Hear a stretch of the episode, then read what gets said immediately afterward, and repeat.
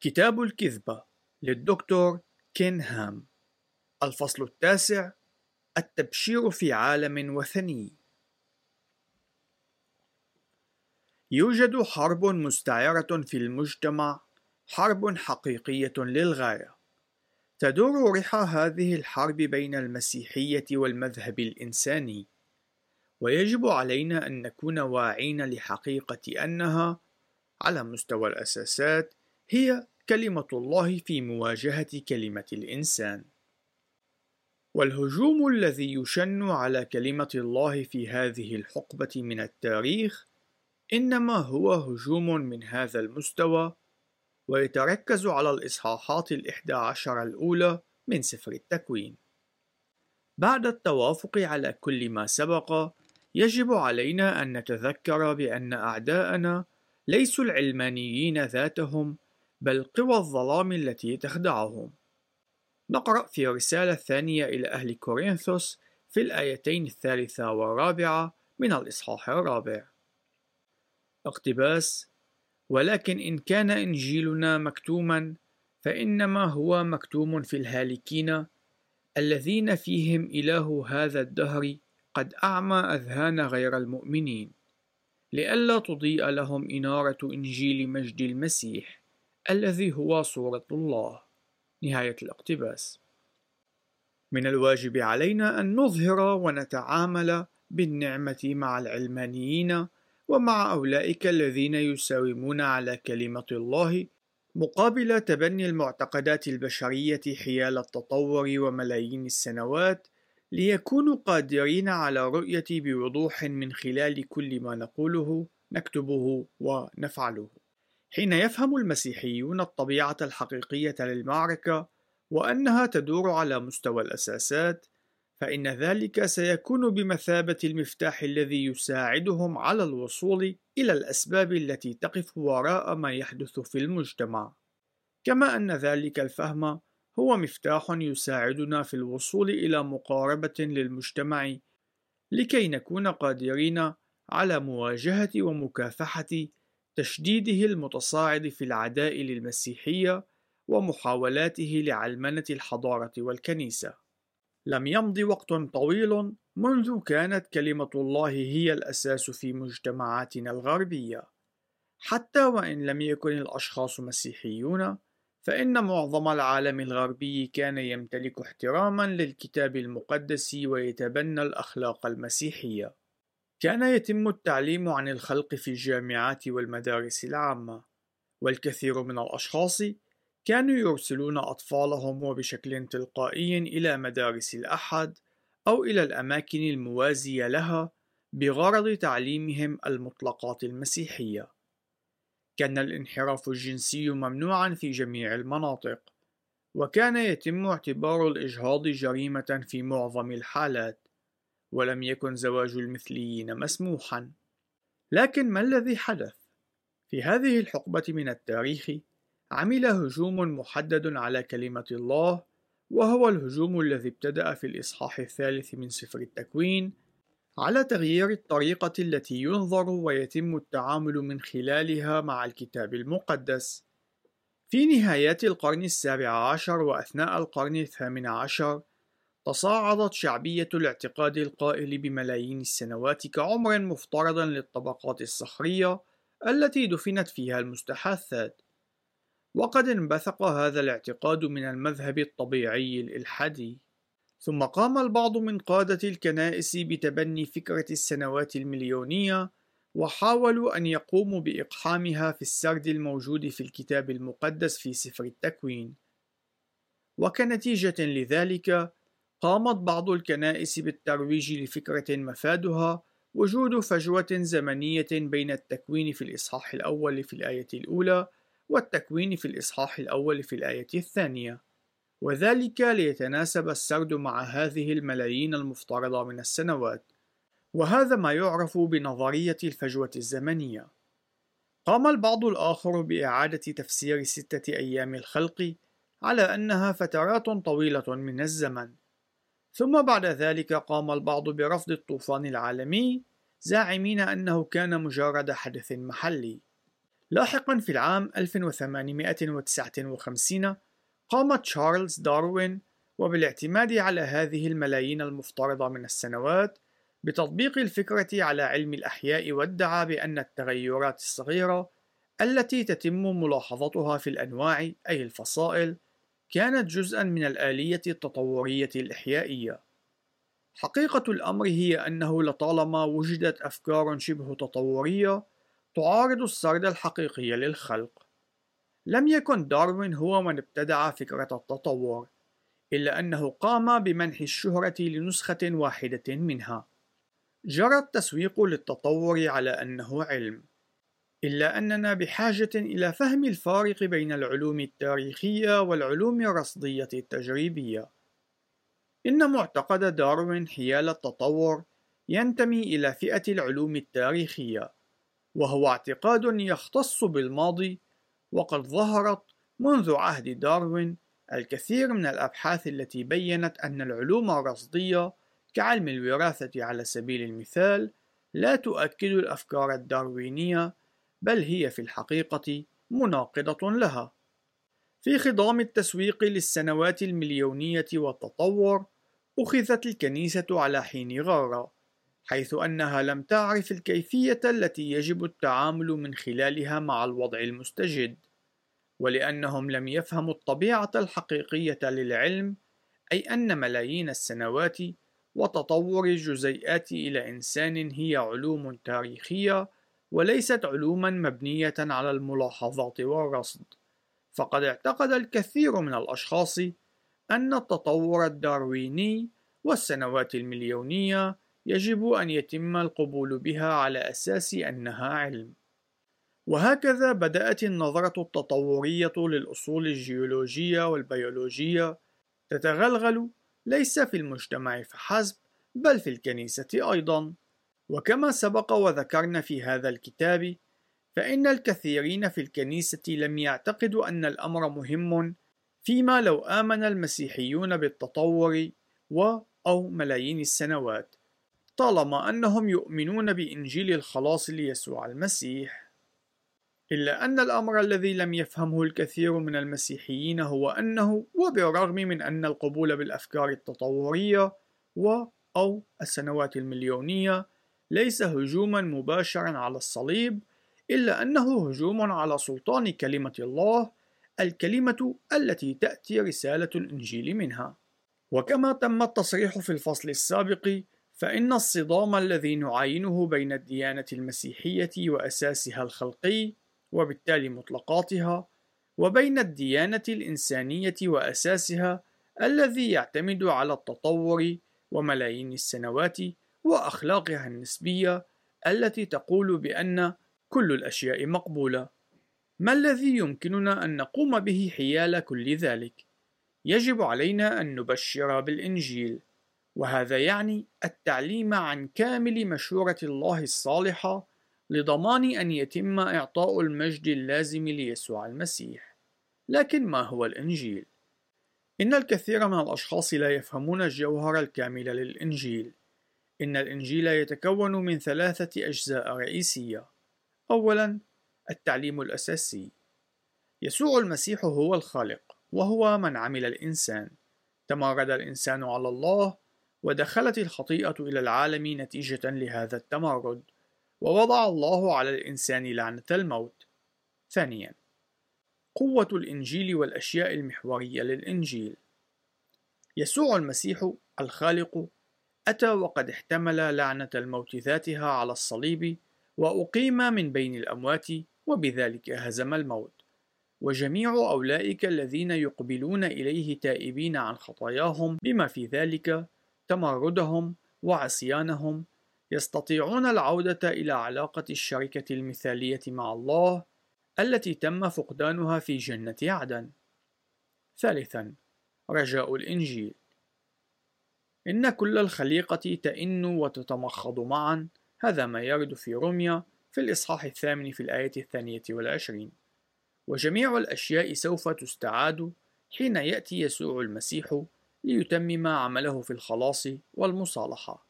هذا ما تشير إليه رسالة كولوسي في الإصحاح الأول والرسالة الثانية التي كتبها بطرس الرسول في الإصحاح الثالث. يستعمل العديد من الأشخاص الإصحاح الخامس عشر من رسالة كورنثوس الأولى على أساس أنه يقدم تعريفا للإنجيل ويدعون أنه يتحدث فقط عن يسوع المصلوب والقائم من بين الأموات. إلا أننا في الرسالة الأولى إلى أهل كورنثوس في الإصحاح الخامس عشر في الآيات من الثانية عشر إلى الرابعة عشر نجد أن بولس يقول التالي اقتباس ولكن إن كان المسيح يكرز به أنه قام من الأموات فكيف يقول قوم بينكم إن ليس قيامة أموات؟ فإن لم تكن قيامة أموات فلا يكون المسيح قد قام وإن لم يكن المسيح قد قام فباطلة كرازتنا وباطل أيضا إيمانكم. نهاية الاقتباس. إن بولس يتحدث في هذه الآيات عن الأشخاص الذين ينكرون القيامة. ولكن فلننظر الآن إلى ما يقوله بولس وإلى الموقف الذي يتخذه في الآية الحادية والعشرين وذلك حين يعود إلى سفر التكوين ليفسر أصل الخطيئة. اقتباس فإنه إذا الموت بإنسان بإنسان أيضا قيامة الأموات. نهاية الاقتباس. ونجد أن بولس يقوم بتحديد السبب الأساسي لمجيء يسوع وموته على الصليب.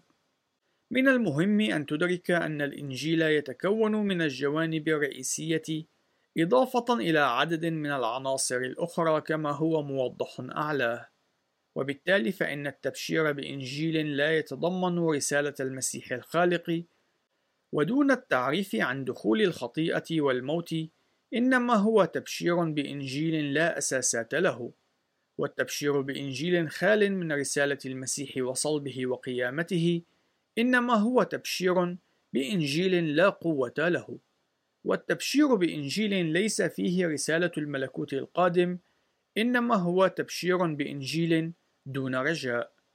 إن جميع هذه العناصر تشكل الإنجيل وبالتالي فإن فهم رسالة الإنجيل بشكل سليم يتطلب فهما لجميع تلك العناصر. إضافة إلى ما سبق فإننا نجد أن يسوع عندما ظهر للتلميذين على طريق عمواس حين ابتدأ يفسر لهما الأشياء المختصة به نقرأ اقتباس. ثم ابتدأ من موسى ومن جميع الأنبياء يفسر لهما الأمور المختصة به في جميع الكتب. نهاية الاقتباس. هكذا ترد الآية في لوقا في الإصحاح الرابع والعشرين في الآية السابعة والعشرين. عنوان فرعي المناهج التبشيرية. يشعر الكثير من المسيحيين أنه من الكافي أن يتم التبشير بخصوص موت المسيح الكفاري عن خطايانا والحاجة إلى التوبة واقتبال المسيح كمخلص وتسليم العمل الخارجي للروح القدس.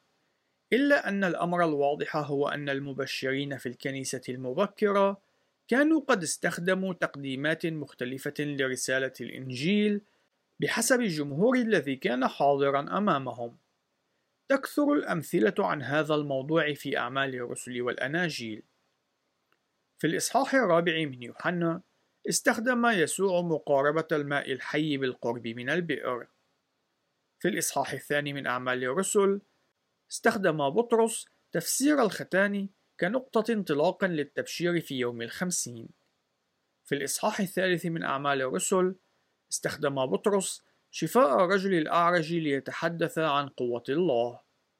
في الإصحاح السابع من أعمال الرسل قام استيفانوس بتقديم دراسة تاريخية لمجمع السنهدريم في الإصحاح الثالث عشر من أعمال الرسل بشر بولس بيسوع على أنه المسيح في المجمع في الإصحاحين الرابع عشر والسابع عشر من أعمال الرسل بشر بولس الأمم بالله الخالق لقد أقام رب الإله المنظمات الخلقية التوراتية حول العالم لكي تكون جميع المناهج التبشيرية متاحة لتبشير مجتمعاتنا.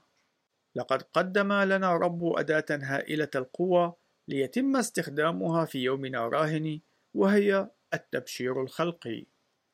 بحسب اعتقادنا فإن السبب الرئيسي في عدم فعالية الكنيسة بشكل نسبي ناجم عن عدم فهم الحالة الحقيقية للثقافة المعاصرة وبالتالي عدم التبشير بشكل سليم إن الكنيسة تعلن رسالة الصليب والمسيح لكنها ليست فعالة كما كانت في السابق كما أننا نقرأ في العهد الجديد في الرسالة الأولى إلى أهل كورنثوس في الآية الثالثة والعشرين من الإصحاح الأول بأن التبشير بالصليب هو جهالة للأمم أي اليونانيين إلا أنه حجر عثرة فقط بالنسبة لليهود.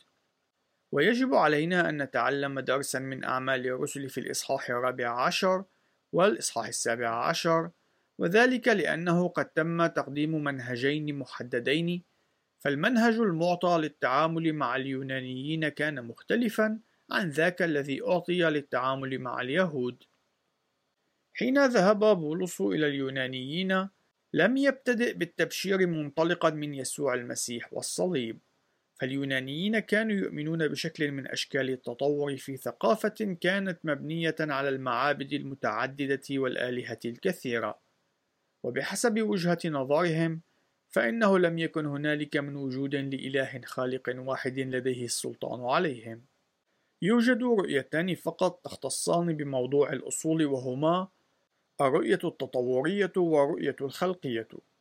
إن لم يؤمن المرء بوجود خالق غير محدود خلق كل شيء فإن البديل الوحيد هو أن شكلا من أشكال التطور يجب أن يتم تبنيه. حين نفكر بهذا الموضوع بطريقة متأنية يمكننا أن نفهم السبب الذي دفع بولس إلى مقاربة اليونانيين بالاعتماد على أساس الخلق. إن اليونانيين الذين لم يؤمنوا بالله كخالق كانوا قد آمنوا بشكل من أشكال التطور ولم يكن لديهم أي مفهوم عن أصل الخطيئة لأنهم لم يمتلكوا أو يؤمنوا بكتابات موسى المختصة بآدم وحواء. وقد امتلكوا الأساس الخاطئ وبالتالي الإطار الخاطئ للتفكير في هذا العالم. وبالتالي فإن الوعظ ابتداء من الصليب كان ليعتبر حماقة مطلقة. كان بولس قد لاحظ أنه قبل أن يتمكن من الوعظ عن يسوع المسيح كان يتوجب عليه أن يقوم بوضع الأساسات التي يستقر عليها الإنجيل. وبالتالي فإنه قام بوضع أساس الخلق مفسرا أننا جميعا من دم واحد. وبذلك يكون قد وضع التاريخ الضروري للإنجيل. وانطلاقا من هناك ابتدأ يكرز برسالة يسوع المسيح. في جميع المرات التي تم فيها التواصل مع اليهود وتبشيرهم لم يكن المنهج التبشيري منطلقا من رسالة الخلق أولا. بل انطلق من التعليم عن المسيح والصليب. على سبيل المثال بطرس في يوم العنصرة في الإصحاح الثاني من أعمال الرسل استخدم هذا المنهج. فاليهود في تلك المرحلة التاريخية كانوا يمتلكون الأساس الصحيح وذلك لأنهم قد آمنوا بالله كخالق كما أنهم آمنوا بالسرد المقدم عن آدم وحواء والسقوط كانوا قد فهموا معنى الذبيحة الأولى وسبب وجود نظام الذبائح. وبالتالي فإنهم قد امتلكوا الأساس التاريخي السليم لفهم الإنجيل. ولكنهم قد امتلكوا حجر العثرة في أن يسوع هو المسيح كما يرد في كورنثوس الأولى في الآية الثالثة والعشرين من الإصحاح الأول. لقد حان الوقت للكنيسة المعاصرة لكي تقوم بالتعامل مع مجتمع توسم نظرته بأنها يونانية أكثر من كونها يهودية. يتم في هذا المقام استخدام مصطلحي يوناني ويهودي على أساس أنهما نمطان أو نموذجان. في الحقيقة إن الكنيسة المعاصرة بحد ذاتها هي يونانية إلى درجة كبيرة أكثر من كونها يهودية. أو بعبارة أخرى إن حضارتنا الغربية كانت تتشابه مع الإصحاح الثاني من أعمال الرسل حيث كان معظم الأشخاص يعرفون أو يؤمنون بالتاريخ المسجل في سفر التكوين فيما يتعلق بآدم وحواء ودخول الخطيئة لكن وعلى الرغم من ذلك تحول العالم الغربي ليتماثل مع الإصحاح السابع عشر من سفر الأعمال حيث أن معظم الأجيال المعاصرة لم تعد تؤمن بالرواية التاريخية المقدمة في سفر التكوين. في الحضارة المشابهة لتلك الموصوفة في الإصحاح الثاني من أعمال الرسل، أي تلك الحضارة التي تتشابه مع الحضارة اليهودية، يمكن للمرء أن يبشر بالرسالة التي تشتمل على الخطيئة والصليب والقيامة وحاجتنا للتوبة وسوف يكون الناس قادرين على فهمها حتى أنهم قد يستجيبون لها من خلال تسليم حياتهم لرب الإله. في الحضارة التي تتشابه مع تلك الموصوفة في الإصحاح السابع عشر من سفر أعمال الرسل أي تلك الحضارة التي تتشابه مع الحضارة اليونانية فإن رسالة التبشير التي ترتكز على الخطيئة والصليب والقيامة ليست قابلة للفهم فإن الحضارة من هذا النوع تحتاج إلى أن يتم تقديم رسالة الإنجيل وفق الطريقة عينها التي استخدمها الله في الكتاب المقدس وذلك من خلال الانطلاق من البداية.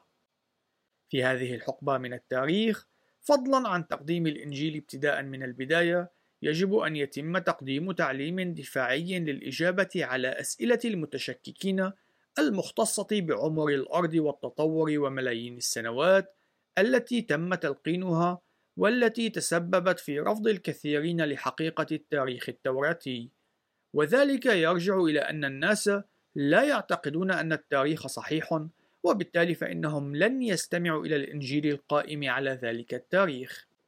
كان الأساس التوراتي في الماضي واضحا في المجتمع، ولم يكن الناس على هذا المستوى من الجهل بالعقيدة المسيحية، ولكن الإنسان الذي يعيش في القرنين العشرين والحادي والعشرين لا يمتلك المعرفة الوافية عن ذلك. يجب علينا أن نتقبل حقيقة أن التطور والسنوات المليونية أصبحت تشكل حواجز رئيسية أمام تلقي الناس لرسالة إنجيل يسوع المسيح. ولقد سبق لنا وتلقينا الكثير من الرسائل المكتوبة والإلكترونية والمكالمات الهاتفية من أشخاص مختلفين وذلك عبر السنوات حيث أنهم كانوا يشهدون على عدم استعدادهم للاستماع إلى الادعاءات المسيحية وذلك لأنهم اعتقدوا بأن التطور والاعتقاد من ملايين السنوات قد أثبتت أن الكتاب المقدس غير جدير بالثقة. يجب علينا أن ندرك وجود أجيال كاملة من التلاميذ الذين يخرجون من نظام تعليمي لا يقدم لهم الكثير من المعرفة عن الكتاب المقدس. كما وتتزايد أعداد أولئك الذين لا يعرفون إلا ما قل عن الخلق أو سقوط الإنسان أو طوفان نوح، أي أنهم لا يفهمون التاريخ التأسيسي المطلوب وبالتالي فإنهم لا يفهمون الإنجيل القائم على ذلك التاريخ. من الصعب أن نصدق وجود الملايين من الأشخاص في المجتمع الغربي ممن لا يمتلكون هذه الخلفية التاريخية والثقافية، إلا أن الأمر يظهر أشد وضوحًا على نحو متزايد.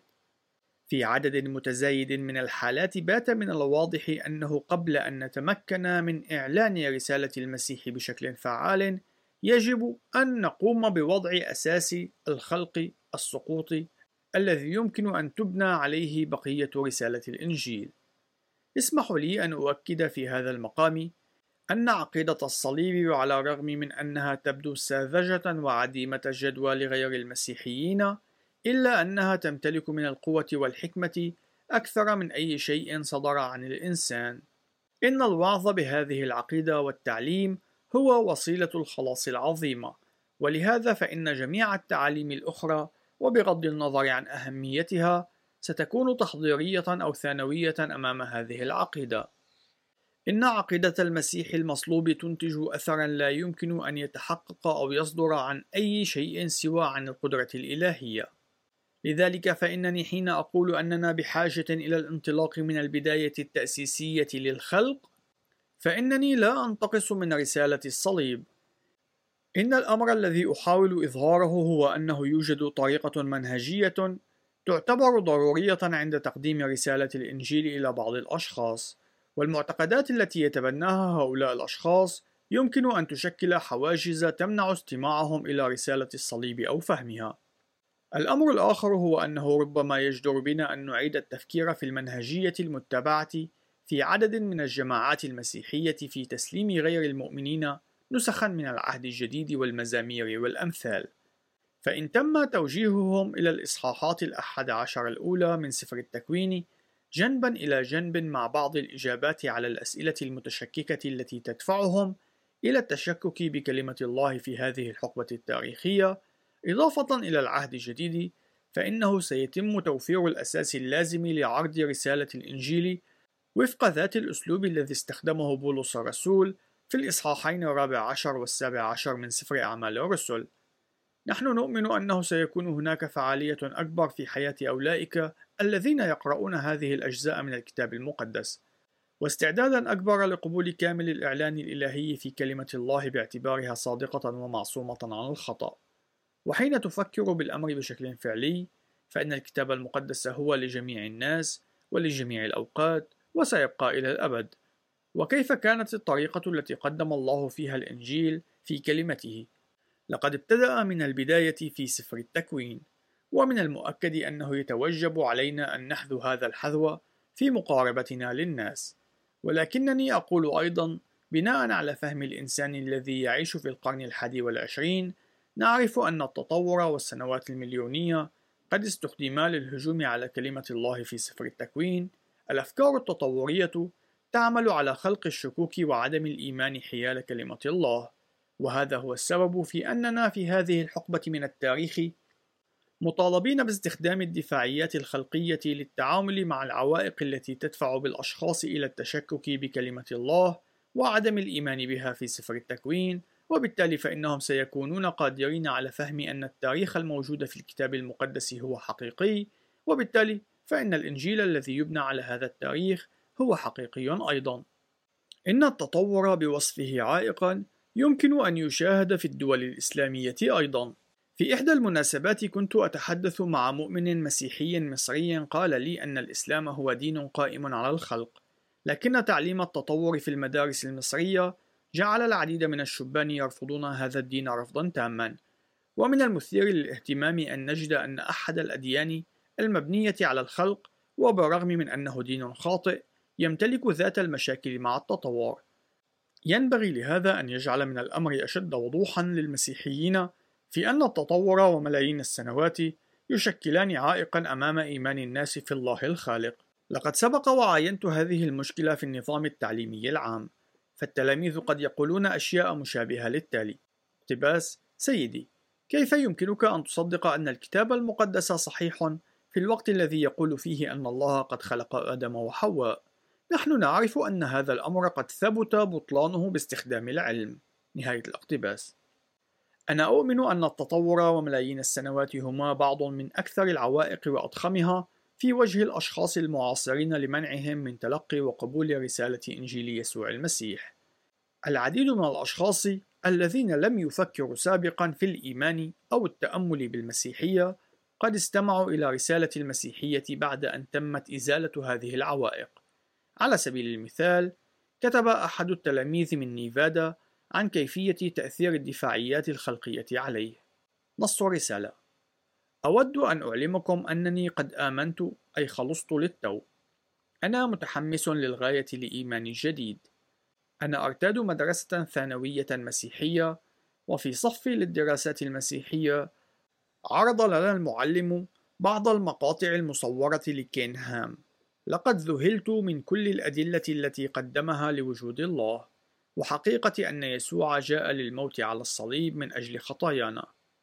جزء مني بقي متشككا وبعد عدة أيام اليوم تصارعت معه بشكل كامل في ذهني وفي النهاية اقتبلت يسوع المسيح كربي ومخلصي وأنا أشعر بالامتنان لوجود إجابات في سفر التكوين من أجل تقديم الإجابات عن الأسئلة المهمة عن الإيمان المسيحي والتي كنت بحاجة لها. على ما يبدو أن التيار السائد في الكنائس المسيحية المعاصرة يقوم على التعليم عن العهد الجديد فقط. وهم لا يمتلكون إجابات عن الأسئلة التي تعتبر بالغة الأهمية بالنسبة للمسيحية. لذلك أردت فقط أن أتوجه بالشكر إلى الجميع في إجابات في سفر التكوين وكنهام على فتح عيني على المسيحية. انتهى نص الرسالة كان هذا مثالا عن الدفاعيات الخلقية الفاعلة. لقد سمعت هذا النوع من الشهادات عدة مرات خلال سنواتي في إرسالية الخلق الكرازية. إن لم يقم شعب الله بأخذ أداة التبشير الخلقية واستخدامها، فإننا سوف نواجه عواقب استخدام طريقة غير فعالة لإعلان الحقيقة. هذا هو السبب الذي يقف وراء أهمية إرساليات الخلق التوراتية في يومنا راهن، فإنهم يقومون بالتعامل مع الأسس التي تقف عليها المسيحية، الأسس التي تمت إزالتها إلى حد كبير من مجتمعنا. ومع انتشار التبشير بهذه الرسالة في أستراليا والولايات المتحدة الأمريكية ومناطق أخرى من العالم، فإننا قد رأينا الناس يقومون بأخذ المنشورات الدفاعية الخلقية ويتحدون الآخرين في مجال الأصول. وحين تمت مواجهتهم مع هذه القضية، أصبحوا أكثر انفتاحًا لقبول رسالة الإنجيل، في حين أنهم كانوا يقومون وبكل بساطة بالسخرية عند إثارة موضوع المسيح. بنعمة الله، إن التبشير الخلقي فعال. يتزايد عدد منظمات الإرساليات مثل إرسالية القبائل الجديدة التي ميزت هي الأخرى أنها عند تقديم الإنجيل إلى المجموعات البشرية الوثنية فإن التأثير سيكون أكبر عند التعليم من الكتاب المقدس بشكل متسلسل زمنيا انطلاقا من سفر التكوين. ثم حين يصلون إلى رسالة الصليب فإن الناس يفهمون الإنجيل ويستجيبون. عندما يأتي المؤمنون الجدد إلى الكنيسة يجب أن تتم مرافقتهم في دراسة للكتاب المقدس في سفر التكوين. سوف يتعلمون من هذه الدراسة كل ما تدور حوله المسيحية، وكذلك سيدركون الأساسات التي تقف عليها جميع التعاليم المسيحية. إن النتائج التي تظهر من مجرد الوعظ عن المسيح والصليب في مجتمعنا المعاصر تعود إلى وجود بقية من الأشخاص الذين يتشابهون مع الإصحاح الثاني من أعمال الرسل، وهم الذين يستجيبون إلى هذا النوع من الوعظ إلا أن هذه البقية تتلاشى بسرعة كبيرة وبالتالي فإن الاستجابة المعاصرة هي أقل بكثير مما كانت عليه في الماضي. لقد حان الوقت لكي نستيقظ ونستخدم الأدوات التي أعطانا إياها رب الإله لتبشير مجتمع أصبح مشابها لليونانيين القدماء. لقد حان الوقت لاستعادة الأسس المسيحية. يمكن أن تكون الرسالة التي تلقيناها من أحد الطلاب الجامعيين مثالا جيدا عن التبشير الخلقي الفاعل. نص الرسالة: أود أن أشكر إرساليتكم لأنكم في الحقيقة تساعدون الناس على فهم أن يسوع قد خلق بالحقيقة العالم. أود أن أشارك معكم شهادتي التي أصلي أن تحفزكم في معركتكم ضد التطور. لقد كان والدي البالغ من العمر 65 عاما ملحدا. لقد كان ملحدا لوقت طويل وكان سريعا في هدم معتقدات أي شخص عن الله بشكل عام ولكن خاصة إذا كان الشخص يزعم أن الله قد خلق العالم. ظن أبي أن الكتاب المقدس غير منطقي وهو كتاب للأشخاص البسطاء. لقد كان يتساءل كيف له أن يحتوي على أي حقيقة. لقد افترض أبي أن التطور هو الطريقة العلمية الوحيدة الممكنة لشرح تكوين الأرض. نتيجة لإحساسها بهذه الهجمة الروحية، صلت والدتي المؤمنة لعشرين عام من أجل أن يفتح عقل أبي للحقيقة وأن تتحطم قيود هذا الخداع. منذ عامين عندما كنت في الثامنة عشر من عمري وكنت مسيحيا لمدة ثلاثة سنوات، قررت حضور ندوة علمية عن الخلق. لا أستطيع أن أصف لكم كيف كنت منبهرا من هؤلاء المسيحيين المؤمنين بالكتاب المقدس الذين كانوا يقدمون الحقائق العلمية عن الخلق. لقد جعل ذلك الأمر من إيماني بكلمة الله أقوى وبشكل متزايد. وقد غمرتني السعادة لأنني كنت قادرا على اتخاذ موقف علمي لتفسير كيفية خلق الله للعالم. عند طاولة بيع الكتب التي رافقت تلك الندوة العلمية، قمت بشراء بعض الكتب والمجلات. واحد من بين ما اشتريته كان بعنوان عظم الخلاف. لقد أحببت قراءة تلك المجلة إلى درجة كبيرة حيث أنني قمت بتشجيع والدي على قراءتها. أخذها بتشكك وابتدأ يقرأها. بعد ثلاثة أيام سألته عن رأيه في ذلك. فاجأني في قوله أنها جعلته يفكر بالأمر حقا ومع هذه المقدمة منه شرعت في إعطائه الكتب الأخرى التي اشتريتها. بعد عدة أسابيع كان أبي يقوم بالإدلاء بتصريحات مثل لم أكن أعلم أبدا عن وجود مثل هذه الفجوات في نظرية التطور لا بد من أنه كان يوجد كيان قدير قد خلق الكون. مع إشراقة كل يوم جديد كان يسوع يقوم بجمع قطع الأحجية في عقل أبي بخصوص الخلق وادعاءة يسوع المختصة في حياته. وبعد عدة أسابيع جاء أحد المبشرين إلى كنيستنا وفي تلك الليلة تحديدا قرر والدي الحضور وقد تحدث المبشر عن الخلق في مواجهة التطور. إن توقيت الله للأحداث إنما هو مذهل. في تلك الليلة قبل أبي يسوع المسيح في قلبه كمخلص شخصي الحمد لله الذي يستطيع أن ينتشل تلك الروح الضائعة من الطريق السريع الذي يقود إلى الجحيم ويضعها على طريق الحياة ببساطة نتيجة لأن كيفية خلق الله للعالم قد توضح في ذهنه. كل الشكر لتعليمكم الناس عن الخلق. أنا أود أن أشجعكم في معركتكم ضد الشيطان. إن رب يقوم بأشياء رائعة نتيجة لمجهودكم. انتهى نص الرسالة. إن تلك الرسالة قد كتبت قبل 25 عامًا. ولا زلنا نتلقى هذا النوع من الردود بشكل يومي إلا أنها تأتي بكم أكبر وذلك مترافق مع نمو إرسالية الخلق التوراتي وازدياد تأثيرها على الكنيسة والثقافة. إن النمو المطلوب للدفاعيات الخلقية يتجلى بشكل واضح من خلال هذه الشهادة الصادرة عن أحد قراء مجلة الإجابات Answers Magazine. وهي مجلة فصلية تنشر من قبل إجابات في سفر التكوين. تقول الشهادة أنا مرشد للصفين الرابع والخامس في كنيستنا. لقد كنا نستخدم الأسس الراسخة من الخلق إلى المسيح وهو عنوان من إصدارات القبائل الجديدة New Tribes. لمدة عامين تقريبا إن النتائج لا تقدر بثمن منذ أن بدأت بدراستي الجامعية تشككت في الطريقة التي تقوم بها الكنيسة في تقديم الإنجيل في يومنا الراهن. في الواقع إن المطبوعات الدعائية التي لا تقدم سوى موت ودفن وقيامة مخلصنا ليس لها التأثير الكبير الذي كانت تمتلكه سابقا. أعتقد أن أحد الأسباب يرجع إلى الأمية التوراتية التي تهيمن على مجتمعنا. عندما كان يتم توزيع تلك المنشورات في الأصل، كان يتم تسليمها إلى أشخاص يمتلكون بعض المعرفة عن الكتاب المقدس، ولكن في يومنا الراهن من الصعب العثور على الحد الأدنى من المعرفة التوراتية بين الناس. للأسف إن هذه الأمية التوراتية موجودة أيضا في الكنيسة، وهي على درجة أكبر بكثير مما يقر القسم الأكبر من الناس. منذ أن ابتدأنا باستخدام نهج التبشير الخلقي، نضج كل من أطفالنا وأهاليهم في معرفتهم للكتاب المقدس فهم يفهمون أن الكتاب المقدس هو سرد واحد مستمر يمتلك عرضا بارزا واحدا وهو رسالة الفداء بيسوع المسيح وحده حين يتم الكشف عن هذا الغرض المتميز ويتم توصيل النقاط عبر الكتاب المقدس بأكمله حينها تتفجر الأنوار الساطعة ويتم فهم الخلاص المبني على الكتاب المقدس.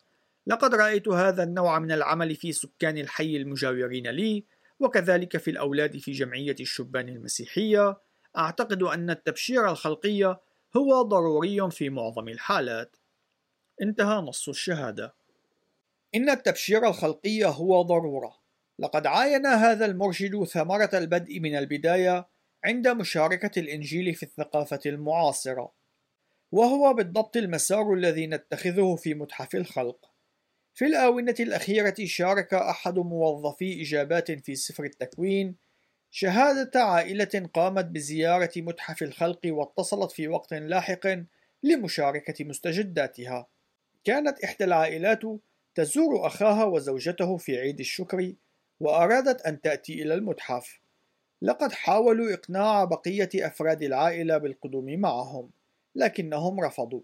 لذا جاءوا يوم الجمعة بعد عيد الشكر وقاموا بزيارة المتحف بأكمله الذي ينتهي بعرض آدم الأخير في نهاية العرض قام الابن ذو الستة أعوام بالإمساك بإحدى البطاقات وهي بطاقة بحجم البطاقة الائتمانية التي يمكنك أن توقع على خلفيتها إن كنت قد قمت بتقديم التزام نحو المسيح وأخذها معه إلى المنزل في وقت لاحق من تلك الليلة وأثناء تجفيفه بعد الاغتسال التفت إلى أمه وسألها أمي هل أنا مسيحي؟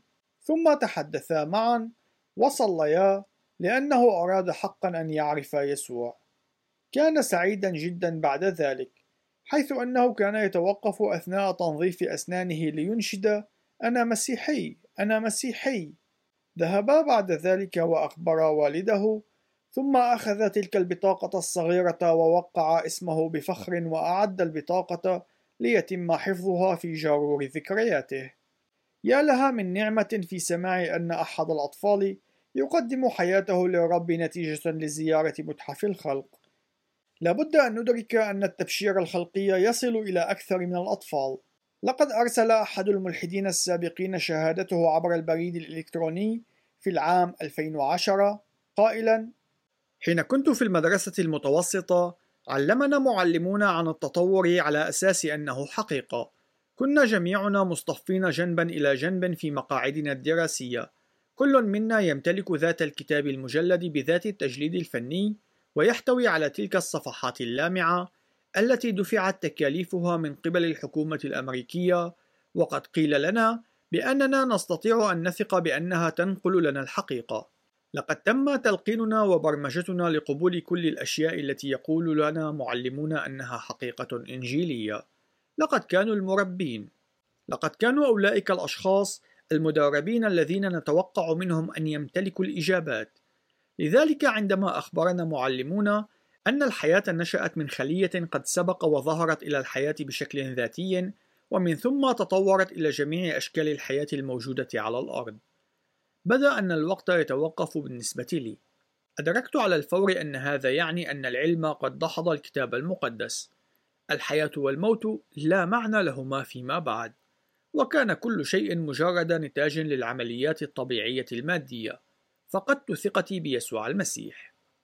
لقد كنت ملحدا لمدة عشر سنوات لكن بنعمة الله حصلت على تسجيلات مصورة من إنتاج إجابات في سفر التكوين بعد سنوات من الظلمة. أثناء مشاهدتي لكين هام يقدم إجابات كتابية للتطور أدركت كيف أن النظام التعليمي العام الإلحادي في أمريكا كان قد قام بغسل دماغي. واظبت على شراء وقراءة المجلات الصادرة عن إجابات في سفر التكوين وقد استمتعت بشكل خاص بالمحاضرات المصورة. أنا حاليا مسيحي يمتلك الشغف في محبة ربي ومخلصي يسوع المسيح وأنا في عجلة من أمري لأتوجه بالشكر إلى كين هام وجميع فريق العمل في إجابات في سفر التكوين لأجل ما قاموا به لجعل علاقتي مع يسوع المسيح ممكنة. فلتكن بركة الرب مع عملكم الكتابي لأجل يسوع المسيح التوقيع جي بي إن هذه الشهادة هي مثال عظيم عن الكيفية التي يمكن من خلالها للكرازة الخلقية التوراتية أن تزيل الحواجز التي تحول دون خلاص الناس. إن الرب لم يدعنا فقط لتحطيم حواجز التطور وملايين السنوات، إنما إلى استعادة أساس الإنجيل في مجتمعنا أيضا. إن قامت الكنائس بأخذ أداة التبشير الخلقي مع الدفاعيات الخلقية في كل من الثقافة والكنيسة، فإننا سنكون قادرين على رؤية وقف موجة العلمنة وهجرة الشباب من الكنيسة.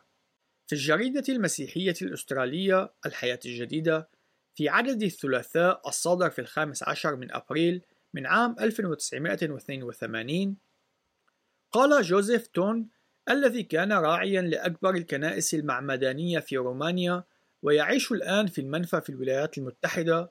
اقتباس لقد توصلت إلى استنتاج مفاده أنه يوجد عاملان يدمران المسيحية في أوروبا الغربية. أحدهما كان نظرية التطور والثاني هو اللاهوت الليبرالي. اللاهوت الليبرالي هو مجرد تطور تم تطبيقه على كل من الكتاب المقدس وإيماننا. نهاية الاقتباس. ومن الجدير بالذكر أيضا التعليق الذي قدمه جيمس وماتي هيفلي في كتاب يحمل عنوان دمهم الشهداء المسيحيون في القرن العشرين اقتباس الفلسفات والتعاليم اللاهوتية الجديدة ساعدت أيضا في تآكل ثقة الصين في المسيحية. جاءت موجة جديدة من المبشرين المزعومين من الطوائف البروتستانتية الرئيسية التي تعلم عن التطور وغياب رؤية المعجزية للكتاب المقدس وقد تضررت المدارس الميثودية والمشيخية والمجمعية والمعمدانية الشمالية بشكل خاص. إن بيرتراند راسل قد أتى من إنجلترا يعظ بالإلحاد والاشتراكية والكتب المدمرة التي قام بجلبها أمثال هؤلاء المعلمين تقوم بتقويض المسيحية الأرثوذكسية. وبهذه الطريقة تم تليين المثقفين الصينيين الذين تعلموا من المبشرين الإنجيليين الأرثوذكسيين ليسمحوا بظهور الماركسية إن التطور يدمر الكنيسة والمجتمع المعاصر ويجب على المسيحيين أن يستفيقوا لهذه الحقيقة. عنوان فرعي: الزرع والحصاد. تأمل في مثل الزارع في متى في الإصحاح الثالث عشر في الآيات من الثالثة وحتى الثالثة والعشرين. عندما سقطت البذور على الأرض الصخرية والشائكة لم تستطع أن تنمو. لقد نمت فقط عندما سقطت على أرض معدة وصالحة. نحن نقوم برمي البذرة التي تمثل الإنجيل ولكنها تسقط على الأرض الشائكة والصخرية لملايين السنوات والمعتقدات التطورية. إن الإنجيل يحتاج إلى أرض صالحة والتبشير الخلقي يمكننا من إعداد تلك الأرض حتى يكون من الممكن أن تتناثر البذور الجيدة وينتج حصاد عظيم. تخيل ما الذي يمكن أن يحدث لو أن كنائسنا وقفت بشكل حقيقي في مجتمعنا معلنة كلمة الله التي تبدأ في سفر التكوين. إن التبشير الخلقي هو أحد الوسائل التي سنتمكن من خلالها من رؤية صحوة. نحن لا ندعي أن الصحوة الحقيقية يمكن أن تتم قيادتها من خلال تبني استراتيجيات بشرية ذكية بذاتها. إن الصحوة في الأساس هي العمل السيادي لله الذي يسكب روحه، إلا أن تاريخ الكنيسة يشير إلى أن عمل الله في هذا المجال يرتبط بالصلاة الحارة من شعبه والوعظ الأمين للإنجيل، مع تقديم المجد والإكرام لكلمته. لاحظ طبيعة البشارة الأبدية التي بشر بها الملاك في سفر الرؤيا في الآية السابعة من الإصحاح الرابع عشر. اقتباس خافوا الله وأعطوا مجدا لأنه قد جاءت ساعة دينونته واسجدوا لصانع السماء والأرض والبحر وينابيع المياه. نهاية الاقتباس. فهل يمكن لجسد المسيح أي الكنيسة أن يتوقع انسكابا أعظم لروح الله في إنتاج هذه الصحوة وذلك في الوقت الذي نقوم فيه بالتنازل وتقبل نظام ديني تم إعداده في المقام الأول لسلب المجد والسجود الذي يستحقه الله لكونه الخالق العظيم والقاضي والمخلص. نتيجة لعمل إرسالية الدفاعيات الخلقية التوراتية، فإن العديد من الأشخاص الذين رفضوا سابقا الاستماع إلى الإنجيل قد أدركوا أن التطور وملايين السنوات ليست حقائق علمية مثبتة، لقد سمعوا رسالة الخلق والسقوط والفداء وسلموا حياتهم لربنا يسوع المسيح. وقد شهد عدد كبير من المسيحيين بأنهم قد استعادوا إيمانهم بالكتاب المقدس. وعوضا عن قراءة الكتاب المقدس مع شكوك باتوا يعرفون أنه في الحقيقة كلمة الله وإنهم الآن يستطيعون مشاركة حقائق الإيمان المسيحي مع جيرانهم وأصدقائهم دون التساؤل عما إذا كان يمكن الوثوق بالكتاب المقدس. إن المسيحيين أيضا قد فتحوا أعينهم على الحقيقة بأن فهم المسيحية يتطلب منهم أن يفهموا الطبيعة التأسيسية لسفر التكوين. وعندما تم تجهيز المسيحيين بالأجوبة على الأسئلة النقدية في يومنا هذا والتي تستهدف كلمة الله في سفر التكوين فإنهم لم يعودوا خائفين وسوف يقفون بجرأة للدفاع عن سلطان الكلمة ويجيبوا على التساؤلات ويعلن الإنجيل. بعد أن استمع إلي أثناء تقديم عظة عن هذا الموضوع بالتحديد، أعلن أحد الخدام في إحدى الكنائس لأعضاء رعيته أنه لم يكن مدركا لما كان يفعله في خدمته في محاولته لمكافحة الفلسفة العلمانية، وكما كتب: لقد كان يقوم بقص الجزء العلوي من الحشائش الضارة، إلا أن تلك الحشائش استمرت بالنمو أكثر فأكثر وبقوة أكبر من ذي قبل. لكنه أدرك بعد الاستماع إلى رسالة التبشير الخلقي بأن ما كان يفعله ليس جيدا بما فيه الكفاية. كان عليه أن يقوم بإزالة كامل المشكلة من الجذور. إن إرسالية الخلق التوراتي هي خدمة الحراثة تحرث الأرض تزيل الحواجز التطورية وذات السنوات المليونية وتقوم بتحضير الأرض للبذرة الصالحة لكي تتم زراعتها. في تأمل بخصوص الفكرة التي قدمتها سابقا والتي تقول بأن ثقافتنا هي أكثر شبها بالثقافة اليونانية من تلك اليهودية. أود أن أدعو إرساليات الخلق التوراتي مثل إجابات في سفر التكوين باسم إرساليات إزالة الطابع اليوناني. إن أناس الله المعاصرين يحتاجون إلى إزالة الفكر اليوناني من عقلية الناس بحيث أنهم يكونون قادرين على فهم واقتبال تعليم كلمة الله في الإنجيل. انتهى الفصل التاسع.